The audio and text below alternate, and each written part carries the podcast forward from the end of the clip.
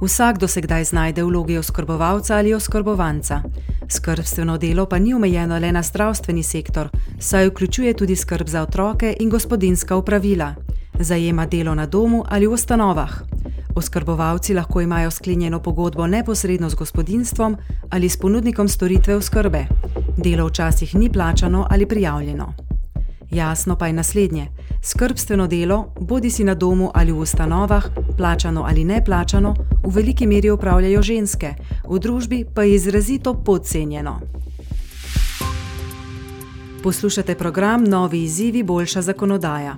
V današnjem prispevku bomo govorili o tem, kako pomembno je delo oskrbovalcev, saj je gonilo trajnostne rasti.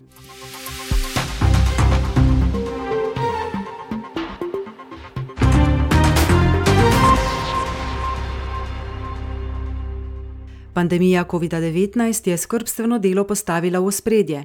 Šole so se zaprle, v ustanovah za dolgotrajno oskrbo pa so vladali slabi pogoji, zaradi česar je veliko oskrbovancev umrlo.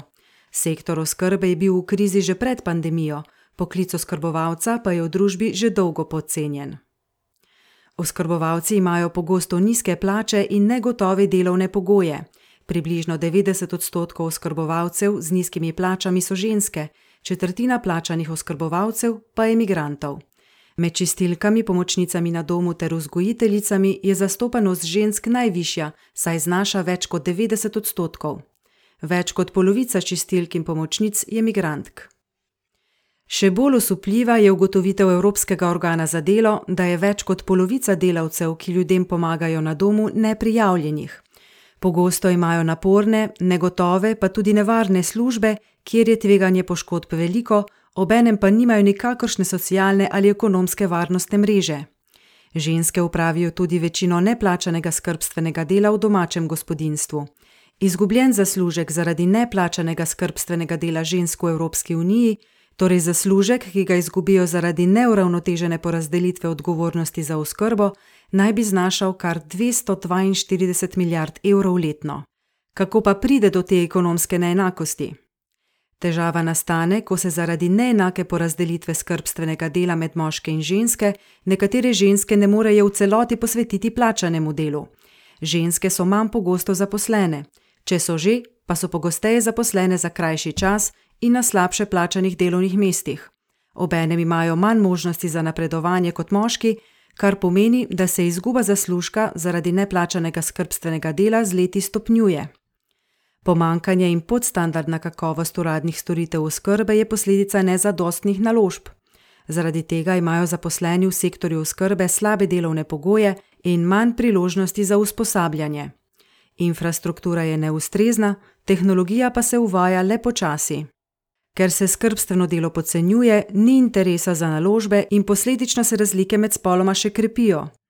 S tem se utrjujejo zakoreninjene predstave in začarani krok je sklenjen. Evropski parlament ga želi prekiniti. Sektor oskrbe bi lahko bil deležen večje pozornosti v okviru instrumenta Next Generation EU, ki državam članicam pomaga pri okrevanju po pandemiji, podpira pa tudi digitalni prehod in zeleno preobrazbo. Evropski parlament je pozval k ambicioznemu odzivu, ki bo oskrbo prepoznal kot pravico in enega od stebrov družbe. Pripravil je tudi vrsto ukrepov za tako imenovani dogovor o oskrbi za Evropo. Tako bi poskrbeli za boljšo delitev odgovornosti med moške in ženske, olajšali bi dostop do zunanjih oskrbovalcev, sektor oskrbe bi se moderniziral in bi bil bolje reguliran. Kakšni pa so ti ukrepi?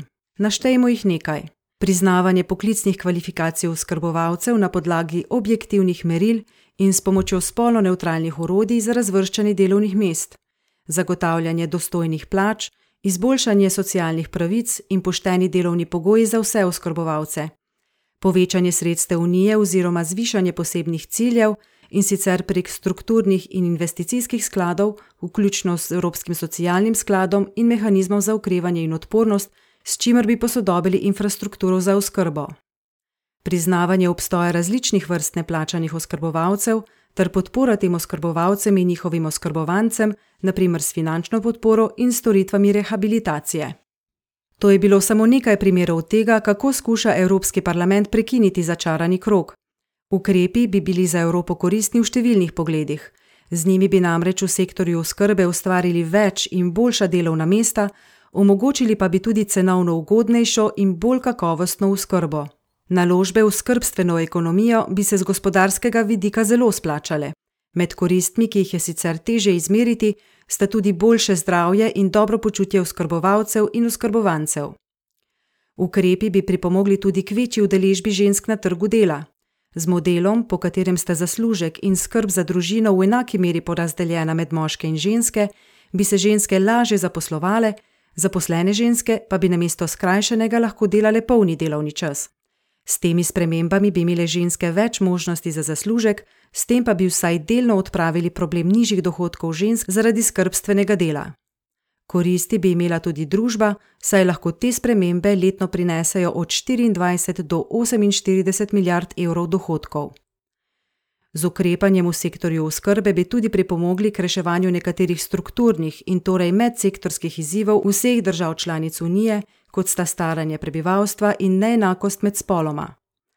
Oskrbovalci so ključni za delovanje družbe in dobro počutje državljanov, zato je bistveno, da se začne skrbstveno delo kot poklic bolj ceniti. Tako bomo Evropi zagotovili boljšo prihodnost.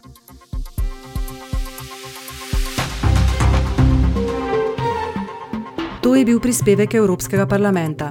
Več informacij je na voljo na našem spletnem mestu Think Tank. Thank you.